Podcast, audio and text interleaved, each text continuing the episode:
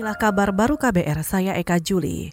Saudara pemerintah Cina melaporkan ada 38 orang lagi yang meninggal akibat virus corona di wilayahnya. Angka ini menurun selama tiga hari berturut-turut.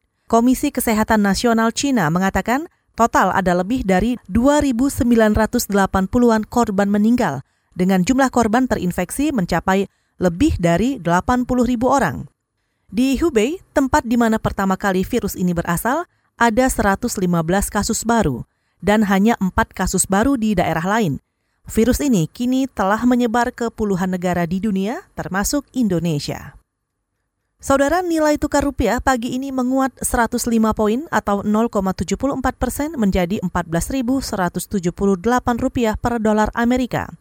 Pada perdagangan Selasa sore, nilai tukar rupiah yang diperdagangkan antar bank di Jakarta melemah 18 poin atau 0,12 persen menjadi 14.238 rupiah dibandingkan hari sebelumnya, yakni 14.265 rupiah per dolar Amerika. Pelemahan ini seiring koreksi mayoritas mata uang kawasan Asia. Dan kondisi ini terjadi karena pasar merespon data eksternal, terutama laporan WHO soal peningkatan virus corona.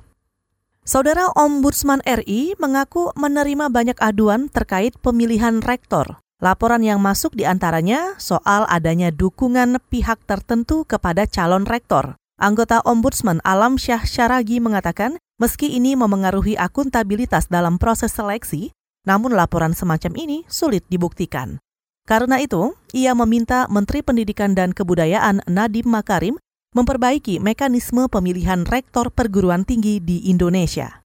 Bukan diganti, tapi disempurnakan, diperbaiki untuk menggunakan mekanisme-mekanisme yang bisa mengurangi intensitas komunikasi antara para kandidat dengan orang-orang yang bisa menentukan dalam mengambil keputusan. Misalnya menteri kan punya kuota suara itu, dirjen-dirjen, sekjen, irjen, itu baiknya harus putus komunikasi dengan para kandidat rektor. Anggota Ombudsman Alam Syah Syaragih juga menambahkan sudah memberikan rekomendasi perihal perbaikan mekanisme pemilihan rektor ke Kementerian Pendidikan. Namun rekomendasi itu tidak kunjung dilaksanakan. Ia lantas menyarankan agar Nadim menerapkan pemilihan rektor berbasis elektronik seperti e-voting. Menurutnya, itu bisa menjamin pemilihan rektor berlangsung terbuka dan akuntabel. Saudara demikian kabar baru, saya Eka Juli.